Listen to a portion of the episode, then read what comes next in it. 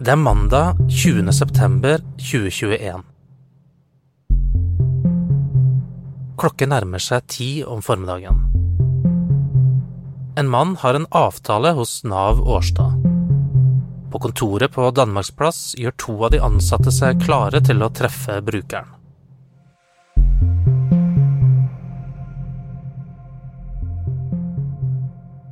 Aina Fladseth, du er journalist i BT, og du var på jobb eh, denne mandagen. Hva er det du husker fra denne morgenen?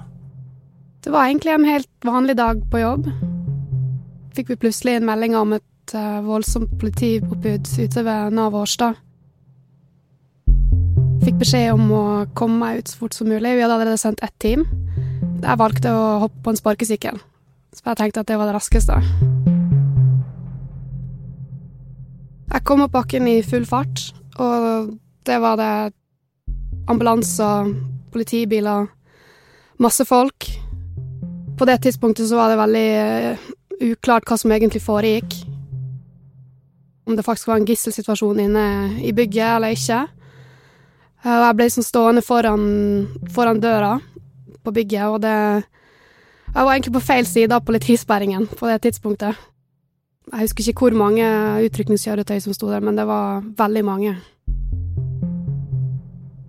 Var det noen av de du møtte der oppe som hadde sett noe av det som skjedde? Ja, det var en del naboer som sto i svingen opp mot bensinstasjonen, som hadde stått der eh, mens det hele pågikk. Og jeg snakka blant annet med en som hadde sett eh, en kvinne bli eh, tatt ut i en båre. De sto der jo bare sånn helt sånn sjokk og visste ikke helt hva som foregikk, og de hadde aldri opplevd noe lignende før. og De var jo også veldig bekymra for de her uh, menneskene som var på jobb der. da.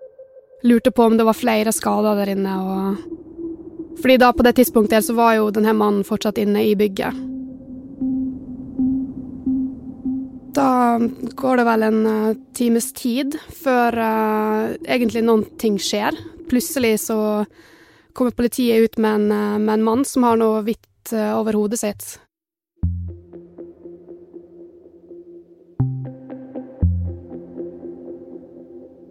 Flere politifolk fører mannen ut av lokalet og inn i en politibil. Hodet hans er dekket av et hvitt plagg som gjør at de som står utenfor, ikke ser ansiktet hans.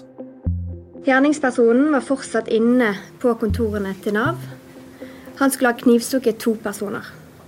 Politiet var på stedet 10.06, altså fire minutter etter at meldingen kom inn, og fikk raskt kontroll på utpekt gjerningsperson som ble pågrepet.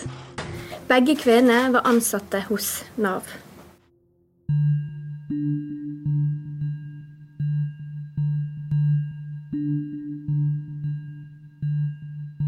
Møtet på Nav det var jo bare så vidt i gang da de som er inne på kontoret skjønner at eh, nå, nå skjer noe forferdelig.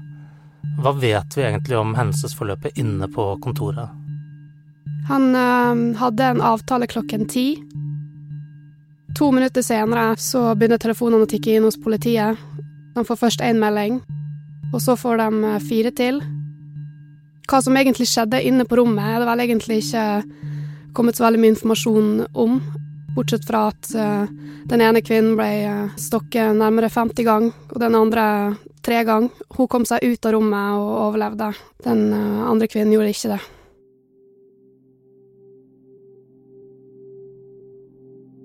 «57 år gamle Marianne Amundsen var veteran ved Nav Årstad.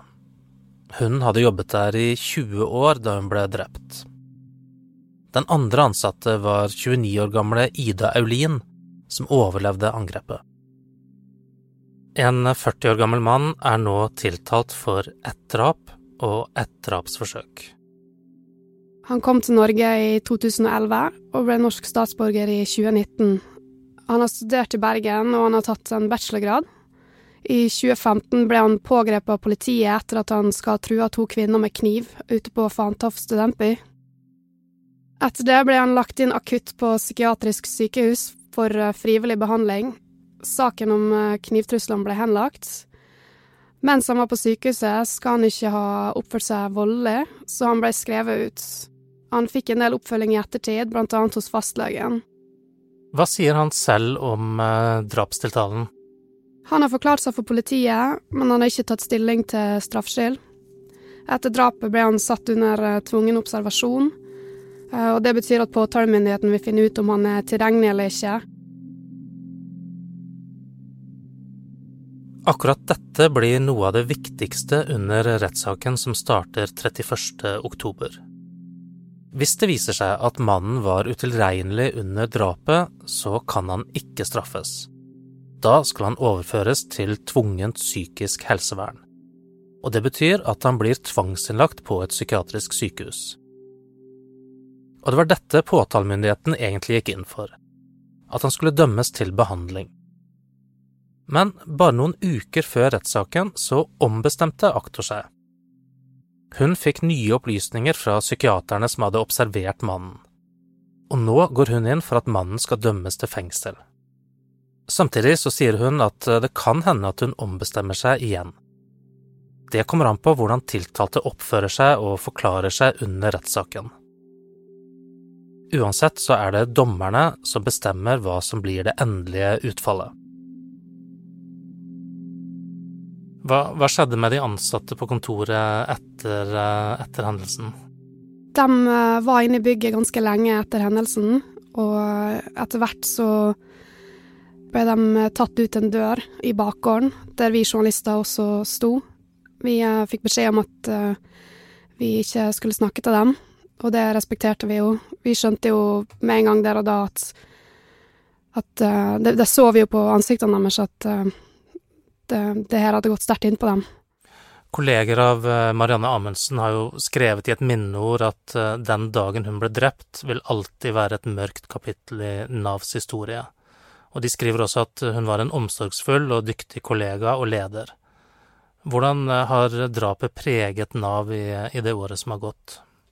Det her kom jo selvfølgelig som et sjokk på alle de ansatte, og det tok ikke lang tid før det kom kritikk for manglende sikkerhet på kontoret ikke minst fra Amundsens familie.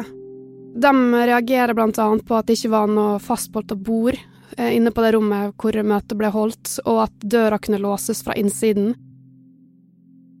Så langt har det ikke kommet frem om døren faktisk ble låst fra innsiden under angrepet. Men Nav gjorde uansett flere sikkerhetstiltak etter drapet. På flere kontorer monterte de glassvegger og bord som går fra vegg til vegg, og skaper en barriere mellom de ansatte og brukerne. Drapet førte også til at eh, Nav har gått i gang med å sjekke sikkerheten på kontorer over hele landet. Rettssaken mot 40-åringen skal etter planen gå fram til 15. november.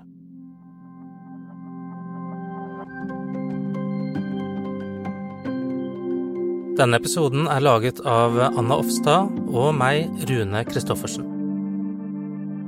Skriv gjerne til oss på hva skjedde at bt.no hvis du har tips til noe vi bør lage en episode om. Du har hørt klipp fra politiets pressekonferanse.